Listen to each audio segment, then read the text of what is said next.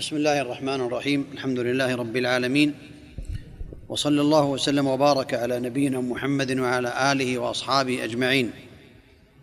أما بعد فمن الكتب النافعة التي نفع الله تعالى بها المسلمين كتب الشيخ الإمام محمد بن عبد الوهاب رحمه الله تعالى ومن أهمها ومن أعظمها الكتيب الصغير في حجمه الكبير في معناه القواعد الاربع فهي كلمات مختصرات لكنها نافعة لأهل الإسلام لأنها تبين الشرك وتبين أدلته. ومن عرف هذه القواعد عرف دين المشركين وعرف دين المسلمين. ولا شك أنها قواعد عظيمة ينبغي لطالب العلم أن يتقنها ويفهمها ويعمل بها. ولهذا اخترنا جميعا هذا الكتيب لقراءته في هذا الوقت. أسأل الله تبارك وتعالى أن يوفقنا وإياكم لطاعته وللعلم النافع العمل الصالح. إنه على كل شيء قدير. اقرأ مقدمة الشيخ ابن باز رحمه الله. نعم. بسم الله الحمد لله والصلاة والسلام على رسول الله. اللهم اغفر لنا ولشيخنا وللمسلمين. مقدمة الشيخ عبد العزيز بن باز للقواعد الأربعة. قال الشيخ عبد العزيز بن باز رحمه الله تعالى بعد حمد الله والصلاة والسلام على رسول الله. أما بعد فهذه القواعد الأربع نبه عليها المؤلف رحمه الله. وهي قواعد مهمة فمن عقلها وفهمها جيدا فهم دين المشركين وفهم دين المسلمين. وأغلب الخلق لا يفهم هذه القواعد ولهذا التبست عليهم فعبدوا القبور وأصحابها والأولياء والأشجار والأحجار من دون الله وهم يحسبون أنهم على شيء لجهلهم بحقيقة التوحيد وحقيقة الشرك. ومؤلف هذه القواعد هو الشيخ الإمام محمد بن عبد الوهاب رحمه الله وهو المجدد لمن درس من معالم الإسلام في هذه الجزيرة في النصف الثاني من القرن الثاني عشر المتوفى سنة ست ومائتين وألف من الهجرة النبوية. قال الإمام محمد بن عبد الوهاب رحمه الله أسأل الله الكريم رب العرش العظيم أن يتولاك في الدنيا والآخرة وأن يجعلك مباركا أينما كنت وأن يجعلك ممن إذا أعطي شكر وإذا ابتلي صبر وإذا أذنب استغفر فإن هؤلاء الثلاثه عنوان السعادة. بسم الله الرحمن الرحيم. هذا المؤلف رحمه الله تعالى لهذه القواعد حينما كتب هذا الكتيب بدأ فيه بالدعاء للطالب لطالب العلم وهذا من أدبه رحمه الله تعالى. وتوسل لله تعالى برب العرش العظيم. ودعا لهذا الطالب أن يتولاه في الدنيا والآخرة وأن يجعله مباركا أينما كان وأينما حل وأن يجعله إذا أعطي شكر. وهذا من النعم العظيمة. إذا أعطى الله تعالى العبد الشكر على نعمه فإنه قد قام بهذا الشكر وقد قام بهذه العبادة العظيمة شكر الله تبارك وتعالى. هذا من أدب المؤلف ومن رحمته رحمه الله تعالى بطلاب العلم. ثم قال وإذا ابتلي صبر. الإنسان إذا ابتلي بالبلاء سواء كان في النفس أو في المال أو في غير ذلك فالصبر يجب عليه. والصبر على ثلاثة أنواع صبر على طاعة الله تعالى ومن ذلكم طلب العلم وصبر عن محارم الله عز وجل وصبر على أقدار الله المؤلمة فإن هذا هو الصبر الحقيقي على هذه الأنواع. ثم قال وإذا ذنب استغفر العبد يذنب كثيرا ويظلم نفسه كثيرا. ولهذا قال النبي عليه الصلاة والسلام لأبي بكر يا أبا بكر قل اللهم إني ظلمت نفسي ظلما كثيرا ولا يغفر الذنوب إلا أنت فاغفر لي مغفرة من عندك وارحمني إنك أنت الغفور الرحيم. فما دام أن أبا بكر ظلم نفسه وهو أفضل الناس بعد الأنبياء عليهم الصلاة والسلام فكلنا ظالم لنفسه. اذا هذا من علامات السعادة ومن أسباب السعادة أن العبد إذا أذنب استغفر. وهذه عنوان السعادة هذه الثلاث. إذا أنعم عليه شكر الله تعالى وإذا ابتلي صبر وإذا أذنب استغفر ثم بين المؤلف رحمه الله تعالى أن هذه الأمور الثلاثة هي عنوان السعادة. من رزق هذه الثلاث فكان من السعداء في الدنيا والآخرة. نعم. شرح الشيخ ابن باز. نعم. التعليق. نعم. التعليق. يقول المؤلف رحمه الله أسأل الله الكريم رب العرش العظيم أن يتولاك في الدنيا والآخرة وأن يجعلك مباركا أينما كنت وأن يجعلك ممن إذا أعطي شكر وإذا ابتلي صبر وإذا أذنب استغفر فإن هؤلاء الثلاثه عنوان السعادة فالمؤلف رحمه الله يجمع فيها بين الإفادة والدعاء للطالب وهذا من النصح أن يدعو للطالب بالتوفيق ويفيده. ولا شك أن الطالب إذا قبل الله هذا الدعاء في حقه سعد وقوله وأن يجعلك مباركا أينما كنت وأن يجعلك ممن إذا أعطي شكر وإذا ابتلي صبر وإذا أذنب استغفر.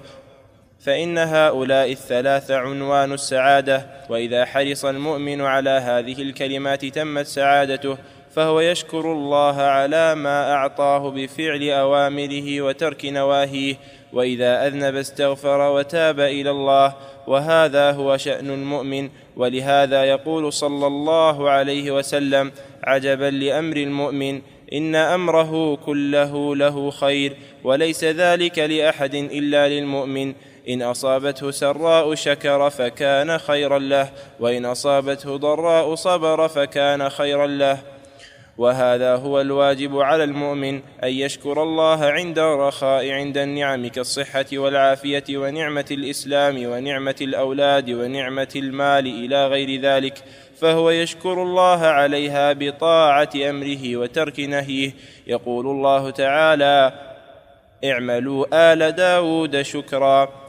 يعني أن يطيع أوامره وينتهي عن نواهيه ويصرف النعم في طاعة المولى سبحانه وتعالى كما يصبر ويحتسب عند البلاء كالمرض أو موت الولد أو أحد الأقرباء ونحو ذلك. فلا يجزع ولا يشق جيبا ولا يضرب خدا ولا يدعو بدعوى الجاهلية ولا يتكلم بفحش بل يتحمل ويصبر. وعند الذنوب يبادر بالتوبة والاستغفار. قال المصنف رحمه الله اعلم أرشدك الله لطاعته أن الحنيفية ملة إبراهيم أن تعبد الله وحده مخلصا له الدين كما قال تعالى وما خلقت الجن والإنس إلا ليعبدون فإذا عرفت أن الله خلقك لعبادته فاعلم أن العبادة لا تسمى عبادة إلا مع التوحيد. كما أن الصلاة لا تسمى صلاة إلا مع الطهارة فإذا دخل الشرك في العبادة فسدت كالحدث إذا دخل في الطهارة فإذا عرفت أن الشرك إذا خالط العبادة أفسدها وأحبط العمل وصار صاحبه من الخالدين في النار عرفت أن أهم ما عليك معرفة ذلك لعل الله أن يخلصك وينجيك من هذه الشبكة. وهي الشرك بالله الذي قال الله تعالى فيه إن الله لا يغفر أن يشرك به ويغفر ما دون ذلك لمن يشاء وذلك بمعرفة أربع قواعد ذكرها الله تعالى في كتابه. هذا المؤلف رحمه الله تعالى بدأ بتعليم الإنسان الحنيفية. قال اعلم أرشدك الله لطاعته أن الحنيفية ملة إبراهيم. أن تعبد الله وحده مخلصا له الدين. الحنيف هو المائل.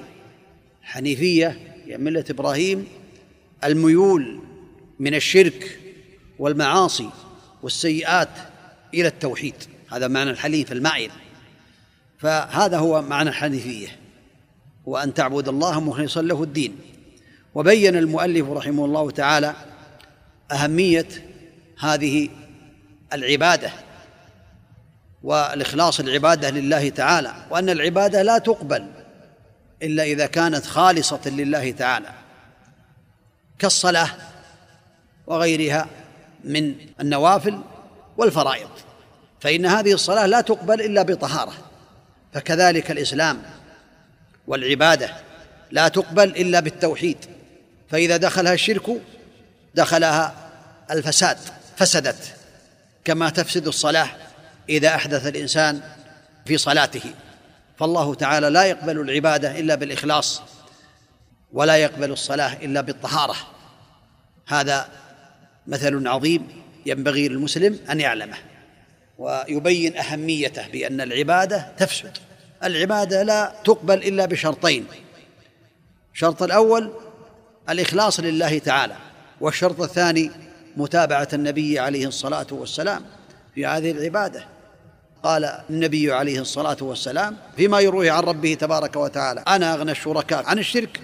من عمل عملا أشرك معي فيه غير تركته وشركه وقال النبي عليه الصلاة والسلام إنما الأعمال بالنيات.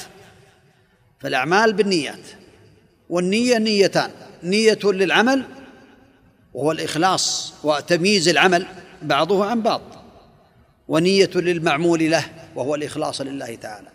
والشرط الثاني المتابعة للنبي عليه الصلاة والسلام. فلا بد أن تكون هذه العبادة على هدي النبي عليه الصلاة والسلام. ولهذا قال النبي عليه الصلاة والسلام من عمل عملا ليس عليه أمرنا فهو رد أي مردود عليه. نعم.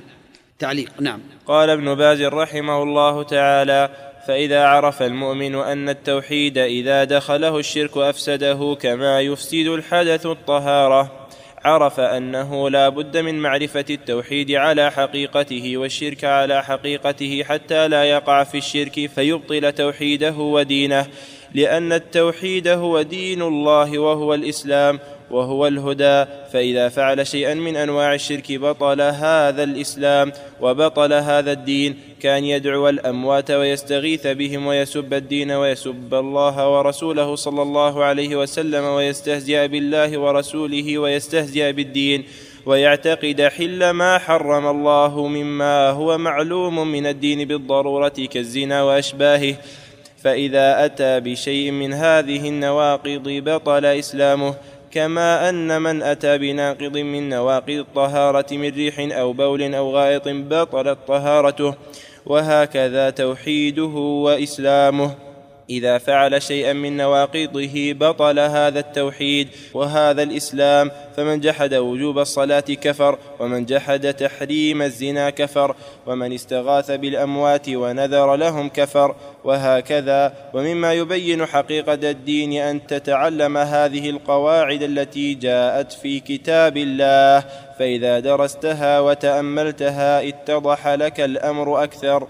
قاعدة الأولى نعم. قال الإمام محمد بن عبد الوهاب القاعدة الأولى أن تعلم أن الكفار الذين قاتلهم رسول الله صلى الله عليه وسلم مقرون بأن الله تعالى هو الخالق الرازق المدبر وأن ذلك لم يدخلهم في الإسلام والدليل قوله تعالى قل من يرزقكم من السماء والأرض أم من يملك السمع والأبصار ومن يخرج الحي من الميت ويخرج الميت من الحي ومن يدبر الأمر فسيقولون الله فقل أفلا تتقون هذه القاعدة الأولى من القواعد الأربع التي ذكرها الإمام محمد بن عبد الوهاب رحمه الله تعالى ويبين للطالب أن تعلم أن الكفار الذين قاتلهم رسول الله عليه الصلاة والسلام مقرون بأن الله تعالى هو الخالق الرازق المدبر وأن ذلك لم يدخلهم في الإسلام. هذه قاعدة عظيمة لأن كثيرا من الناس ربما يسمع أن الكفار يشهدون أن الله على كل شيء قدير وأن الله هو النافع الضار وأن بيد الله كل شيء وأنه الخالق الرازق المعطي المانع الخافض الرافع المعز المذل لا مانع لما أعطى ولا معطي لما منع. فربما بعض الناس يشك في ذلك ويظن بأن هذا يدخل الإسلام. لا هذا توحيد الربوبية. وتوحيد الربوبية لا يدخل في الإسلام إلا بتوحيد العبادة.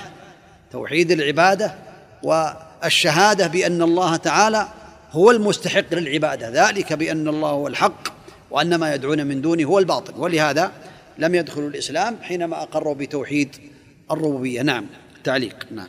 الله نعم. شيخ هذا الإنسان هذا الكافر قال آه أنا أؤمن أن الله هو المستحق للعبادة وأنه هو الخالق والرازق ولكنه لم يتلفظ لم يأتي بلفظ الشهادة. هل يدخل في لا ما يدخل في الإسلام حتى يتلفظ بالشهادة وحتى يعمل بأمور الإسلام.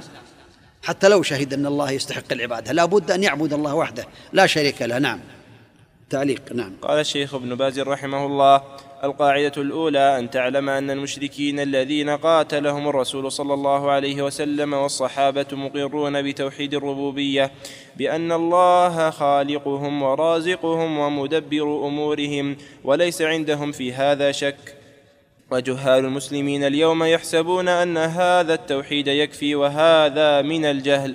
إذ صار المشركون أعلم منهم فإذا أقر أحدهم بالربوبية وقال إن الله ربي وخالقي ورازقي فإن ذلك لا يكفي.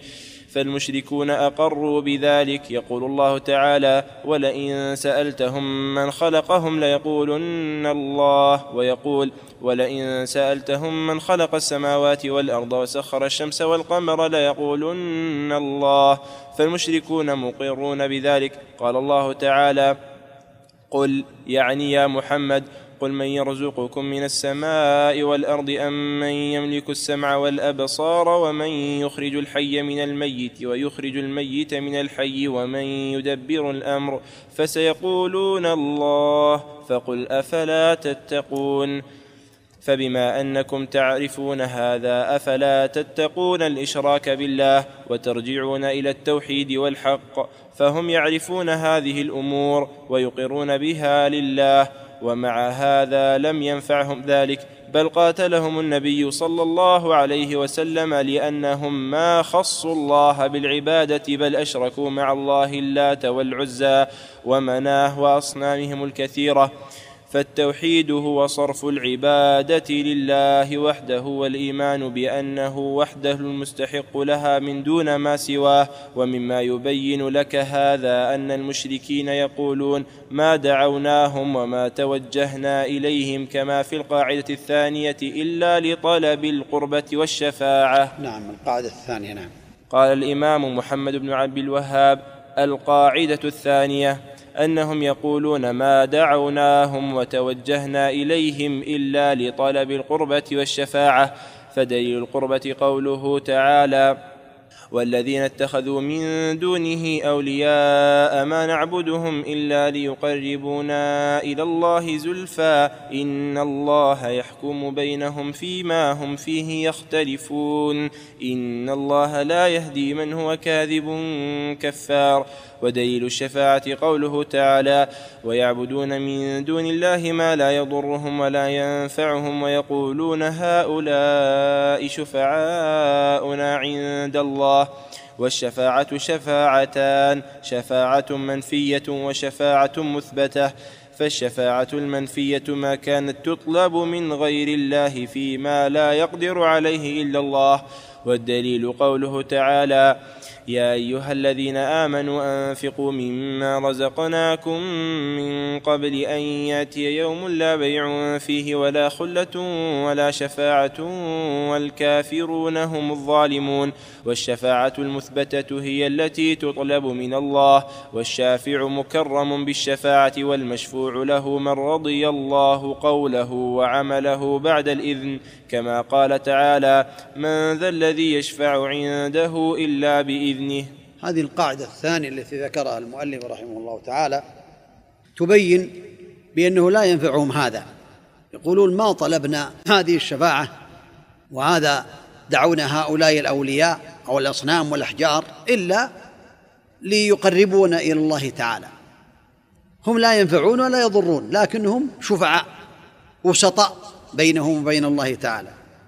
هذا يدل على أنهم بهذا قد أشركوا شركا أكبر. هذا هو دين المشركين. ما نعبدهم إلا ليقربونا إلى الله زلفى. كذلك من دعا الأولياء أو الأنبياء أو غيرهم وقال لهم شأن عند الله وهم وسطاء بيننا وبين الله دعاهم يدعون الله يا سيدي بدوي سر ربك لنا أن يعافينا يا سيدي محمد بعد موته عليه الصلاة والسلام يا سيدي فلان. يجعلهم شفعاء بينه وبين الله تعالى.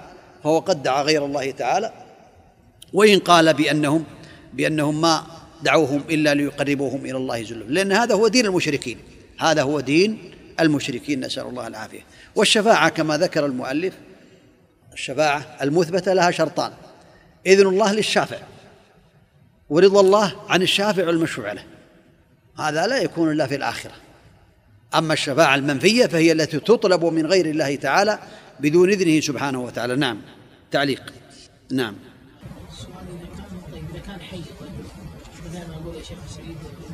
لا هذا هذا هذا غير هذا شيء ثاني. هذا يقال له التوسل بدعاء الصالح الحاضر الحي القادر كما دعا أصحاب الصخرة. دعوا الله تعالى بصالح أعمالهم. وكما قال عمر رضي الله عنه يا عباس استسقي لنا طلب السقيا طلبا يسأل الله لهم السقيا. هذا لا بأس به من الحي القادر الحاضر. نعم. قال ابن باز رحمه الله تعالى يعني ما قصدنا أنهم يخلقون أو يرزقون أو يدبرون الأمور أو يحيون الموتى فإن ذلك كله لله عز وجل. ولكن قصدناهم ليشفعوا لنا ليقربونا إلى الله زلفى لأنهم أحسن منا. فهم أصحاب دين ولهم طاعات ولهم أعمال صالحات ولهذا نعبدهم وندعوهم ونستغيث بهم ليقربونا إلى الله وليشفعوا لنا كما قال الله عز وجل عنهم في سورة الزمر والذين اتخذوا من دونه أولياء ما نعبدهم إلا ليقربونا إلى الله زلفى يعني أنهم لم يعبدوا الأنبياء والصالحين إلا ليقربوهم إلى الله زلفى. قال الله تعالى إن الله يحكم بينهم فيما هم فيه يختلفون. إن الله لا يهدي من هو كاذب كفار. وقد سماهم الله في هذه الآية بالكذبة والكفرة. فهذا يدل على أن عبادتهم إياهم لطلب التقرب أنه كفر وردة وإن لم يقولوا أنهم يخلقون ويرزقون فإن كانوا يدعونهم ويستغيثون بهم وينذرون لهم ويذبحون لهم بقصد القربة وأنهم يشفعون لهم فهذا هو الكفر الذي فعله المشركون الأولون. ولهذا سماهم كذبة وكفرة لأنهم كذبوا بقولهم أنهم يقربون إلى الله وكفروا بهذا العمل. يقول سبحانه ويعبدون من دون الله ما لا يضرهم ولا ينفعهم ويقولون هؤلاء شفعاؤنا عند الله فأقروا بأن آلهتهم لا تنفع ولا تضر وأنهم يشفعون لهم ويقول الله عز وجل فما تنفعهم شفاعة الشافعين ويقول تعالى ما للظالمين من حميم ولا شفيع يطاع وهذا الشرك أبطل حصول الشفاعة لهم ولم ينفعهم بل ضرهم وإنما الذي ينفعهم هو التوبة إلى الله والاستقامة على التوحيد وعبادة الله وحده والبعد عن الإشراك كما هو معنى لا إله إلا الله يعني يخصون الله بالعبادة والدعاء والخوف والرجاء والذبح والنذر ولا يشركون مع الله أحدا لا نبيا مرسلا ولا ملكا مقربا ولا جنيا ولا غير ذلك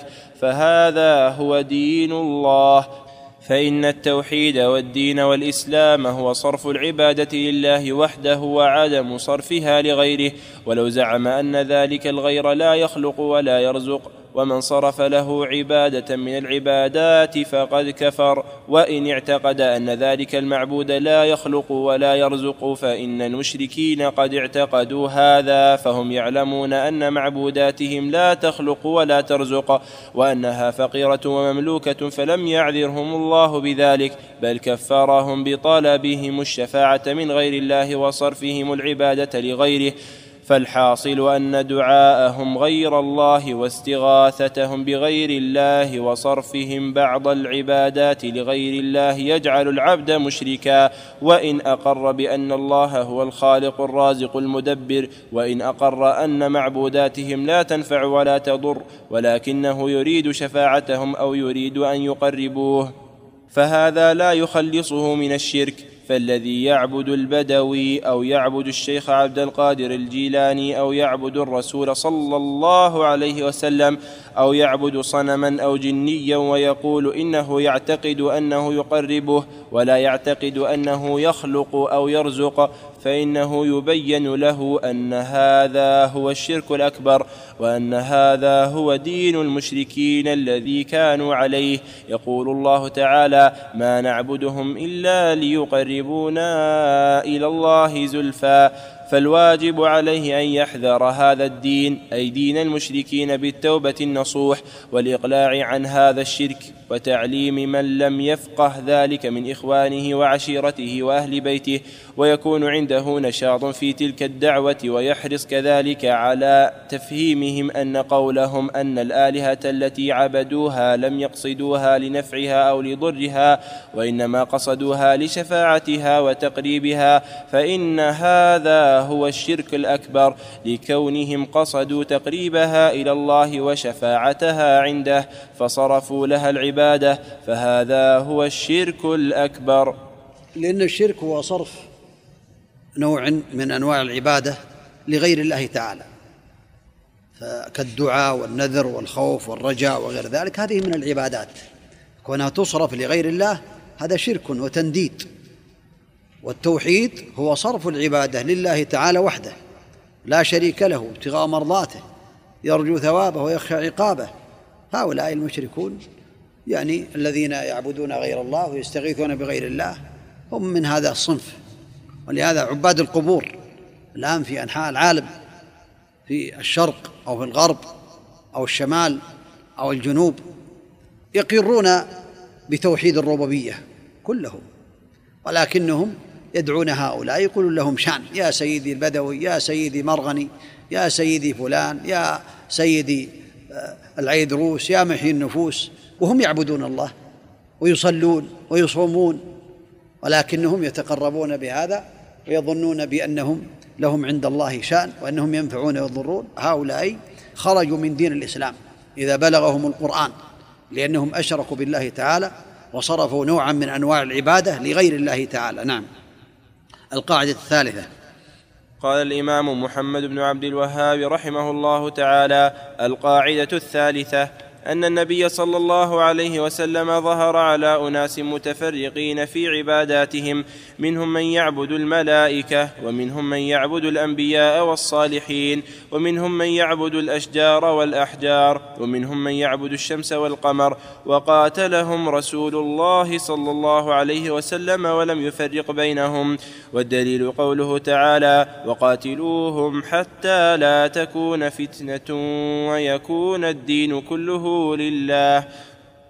ودليل الشمس والقمر قوله تعالى ومن اياته الليل والنهار والشمس والقمر لا تسجدوا للشمس ولا للقمر واسجدوا لله الذي خلقهن ان كنتم اياه تعبدون. ودليل الملائكه قوله تعالى ولا يأمركم أن تتخذوا الملائكة والنبيين أربابا ودليل الأنبياء قوله تعالى وإذ قال الله يا عيسى ابن مريم أأنت قلت للناس اتخذوني وأمي إلهين من دون الله؟ قال سبحانك ما يكون لي أن أقول ما ليس لي بحق.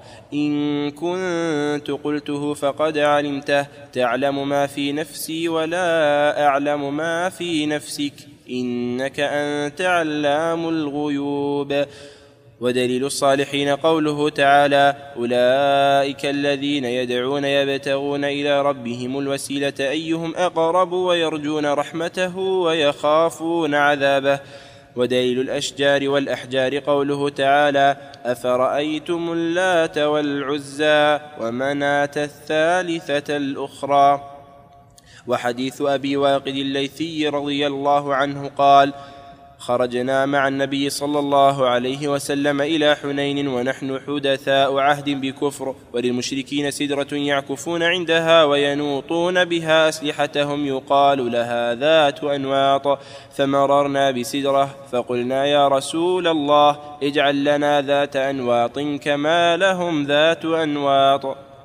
القاعدة الثالثة كما ذكر المؤلف هنا رحمه الله تعالى أن النبي عليه الصلاة والسلام ظهر على أناس متفرقين في عباداتهم منهم من يعبد الملائكة ومنهم من يعبد الأنبياء والصالحين ومنهم من يعبد الأشجار والأحجار ومنهم من يعبد الشمس والقمر وقاتلهم رسول الله صلى الله عليه وسلم ولم يفرق بينهم. ولم يقل بأن الملائكة ما دام بأنهم يعبدون الملائكة فهم يعني من عباد الله الصالحين. أو يعبدون الأولياء هؤلاء من عباد الله الصالحين. سوى بينهم وبين من يعبد الأشجار التي لا تعقل والجمادات. سوى بين من يعبد الملائكة ويعبد الأنبياء ويعبد يعني الصالحين وبين من يعبد الأشجار والأحجار. فقاتلهم النبي عليه الصلاة والسلام جميعا ولم يفرق بينهم كما بين المؤلف رحمه الله تعالى في هذه الأدلة. نعم. القاعدة الرابعة أن مشركي زماننا أغلظ شركا من الأولين لأن الأولين يشركون في الرخاء ويخلصون في الشدة ومشركو زماننا ومشركو زماننا شركهم دائما في الرخاء والشدة. والدليل قوله تعالى فإذا ركبوا في الفلك دعوا الله مخلصين له الدين فلما نجاهم إلى البر إذا هم يشركون تمت وصلى الله على نبينا محمد وآله وصحبه وسلم. هذه القاعدة الرابعة أن مشركي زمان الشيخ محمد العبد الوهاب رحمه الله تعالى ومشرك زماننا كذلك ومشرك زماننا نحن الآن أغلظوا شركا من الأولين لأن الأولين يشركون أي في عهد النبي عليه الصلاة والسلام وقبله يشركون في الرخاء ويخلصون في الشدة إذا أصابهم صابتهم الأمواج. أصابهم القحط أصابتهم الأمراض أو البراكين أو غير ذلك فإنهم يلجؤون إلى الله تعالى. أما في الرخاء فهم يشركون. أما مشركو زماننا فهم في الرخاء والشدة. إذا أصابهم المرض أو أصابتهم البراكين أو أصابتهم التطام الأمواج بالسفن فإنهم يلجؤون إلى أوليائهم. يا سيدي بدوي يا سيدي مرغني يا سيدتي عائشة يا سيدي الحسين في الرخاء والشدة. فهم أغلظ شركا من المشركين في عهد النبي عليه الصلاة والسلام. هذا يعرفه من عرف هؤلاء. يدعون أولياءهم أو يدعون الأولياء في الرخاء والشدة. أما مشركو العرب فإنهم كانوا يخلصون في الشدة ويشركون في الرخاء. اقرأ كلام المعلق على القاعدة الثالثة والرابعة. نعم. قال الشيخ ابن باز رحمه الله القاعدة الثالثة والرابعة أن النبي صلى الله عليه وسلم ظهر في أناس متفرقين في عباداتهم. هذه هي القاعدة الثالثة وذكر بعدها الرابعة من القواعد الأربع التي من عقلها وفهمها جيدا عقل دين المشركين وعقل دين المرسلين وعرف الفرق بينهما وهي القواعد المهمة الواضحة التي بين فيها المؤلف رحمه الله حقيقة الشرك. وما عليه المشركون وأوضح فيها حقيقة ما دعا إليه النبي صلى الله عليه وسلم وما أرشد إليه وما بعثه الله به فمن عقل هذه القواعد الأربع كما ينبغي كان على بصيرة ومعرفة بدين الرسل.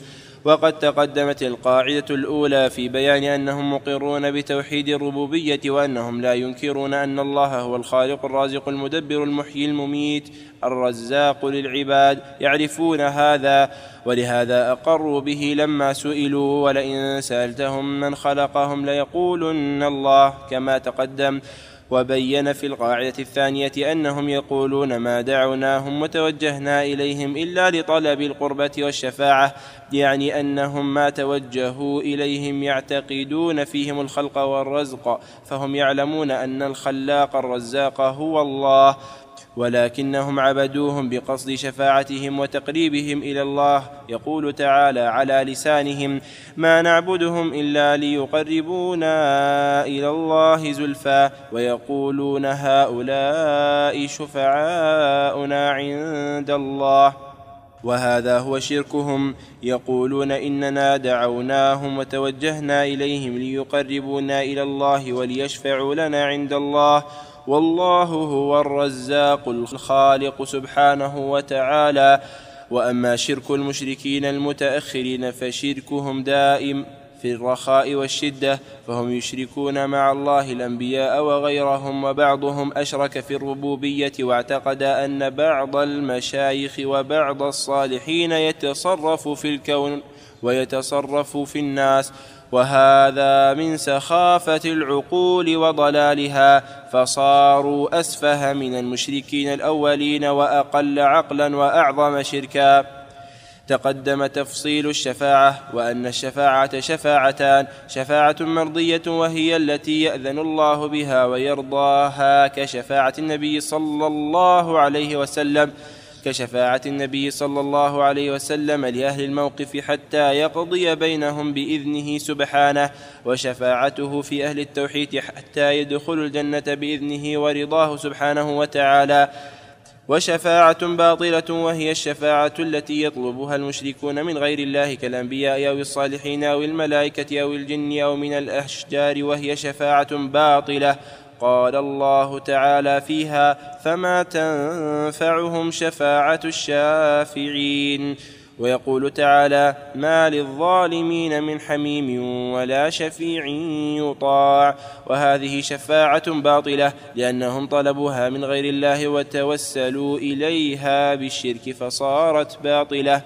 ثم ذكر في القاعدة الثالثة أن النبي صلى الله عليه وسلم ظهر في أناس شركهم متنوع فمنهم من يعبد الأنبياء ومنهم من يعبد الملائكة ومنهم من يعبد الصالحين ومنهم من يعبد الجن ومنهم من يعبد الأشجار والأحجار ومنهم من يعبد الشمس والقمر فقاتلهم جميعا وقاتلهم الصحابة ولم يفرق بينهم.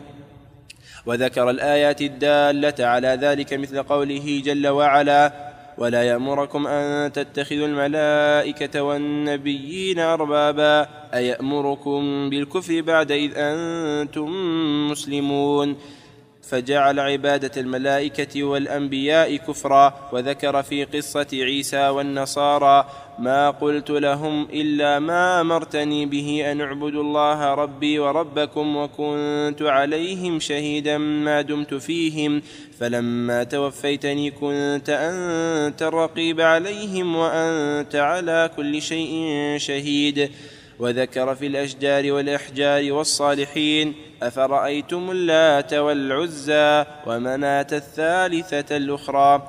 واللات رجل صالح ومناه حجر والعزى شجرة فقاتلهم الرسول صلى الله عليه وسلم وقاتلهم الصحابة ولم يفرقوا بينهم فالشرك واحد وإن تنوع المعبودون. كالذي يعبد الشمس أو القمر أو الملائكة أو الأنبياء أو الصالحين أو النجوم أو غيرهم فكلهم مشركون. يقول تعالى وما أمروا إلا ليعبدوا الله مخلصين له الدين وقضى ربك ألا تعبدوا إلا إياه فاعبد الله مخلصا له الدين فإلهكم إله واحد فمن خالف هذه الآيات وما جاء في معناها فقد أشرك سواء فعل ذلك مع الأنبياء أو مع الصالحين أو مع الملائكة أو مع الجن أو مع النجوم أو مع الشمس أو مع القمر أو غير ذلك ولهذا أنزل الله جل وعلا فيهم إن هذا صرف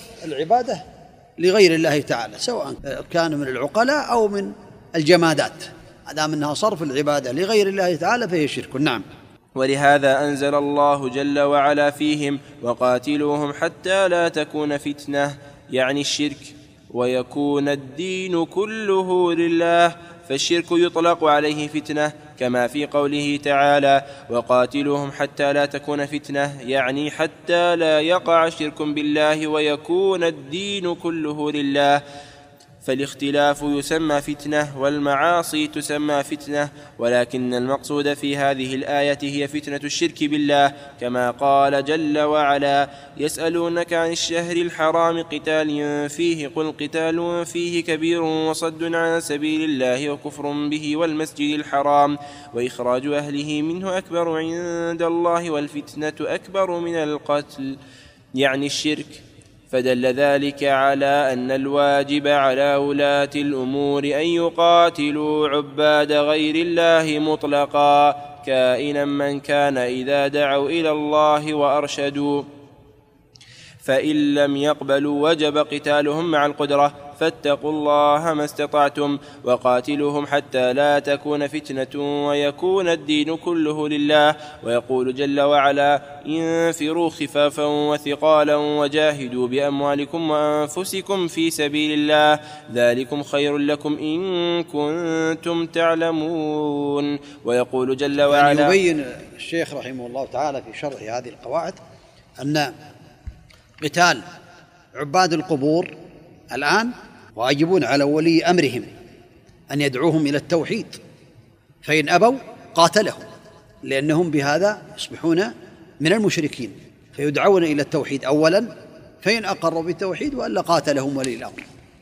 فإن عجز ما عنده قدرة ما عنده استطاعة ضعيف لا يكلف الله نفسا إلا وسعها يدعون باللسان ويبين لهم الحق لكنه يجب على ولي الأمر الذي عنده قدرة أن يقاتلهم حتى يوحدوا الله تعالى وحده. لا شريك له. نعم. لا المش... الجزية خاصة باليهود والنصارى والمجوس. نعم. على الصحيح. نعم.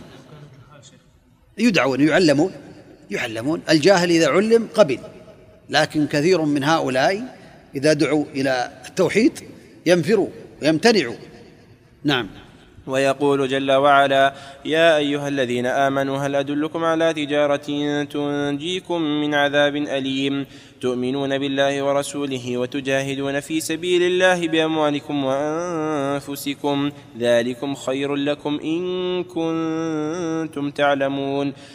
ومما يتعلق بعبادة الأحجار والأشجار حديث أبي واقد الليثي لما خرجوا إلى حنين وكانوا حدثاء عهد بالكفر مروا على أناس من المشركين يعبدون سدرة ويعظمونها ويعلقون عليها السلاح يقولون إنه إذا علق عليها يكون أمضى وأقوى. فقال المسلمون اجعل لنا ذات أنواط كما لهم ذات أنواط. فقال النبي صلى الله عليه وسلم الله أكبر إنها السنن قلتم والذي نفسي بيده كما قال بنو إسرائيل لموسى اجعل لنا إلها كما لهم آلهة. الحديث رواه الترمذي وصححه.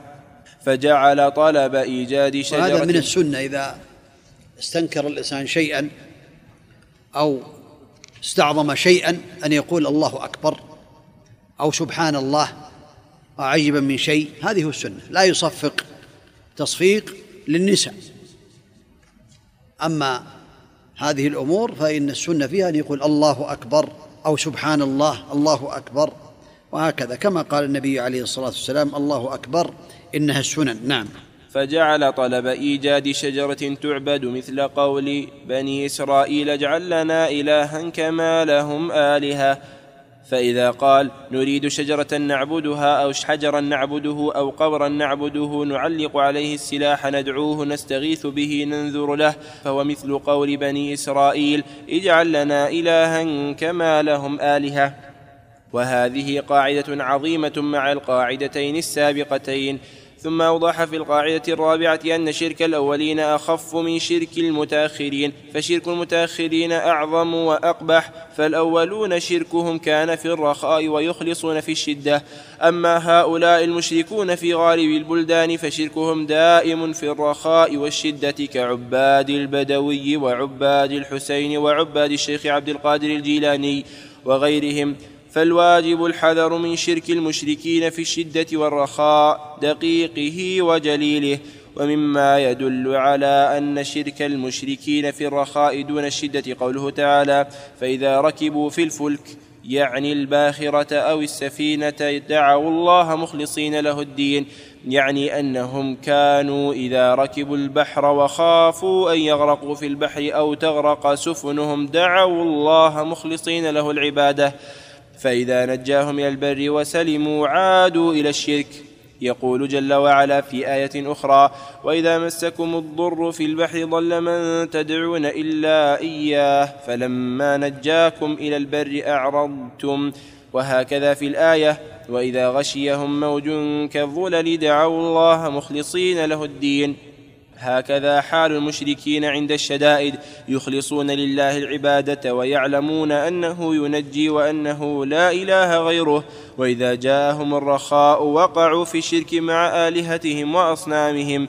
أما هؤلاء المشركون في هذا الوقت فشركهم دائم فلا بصيرة عندهم. فيعبدون غير الله في الرخاء والشدة ولا تمييز عندهم لضعف العقول وغلبة الجهل.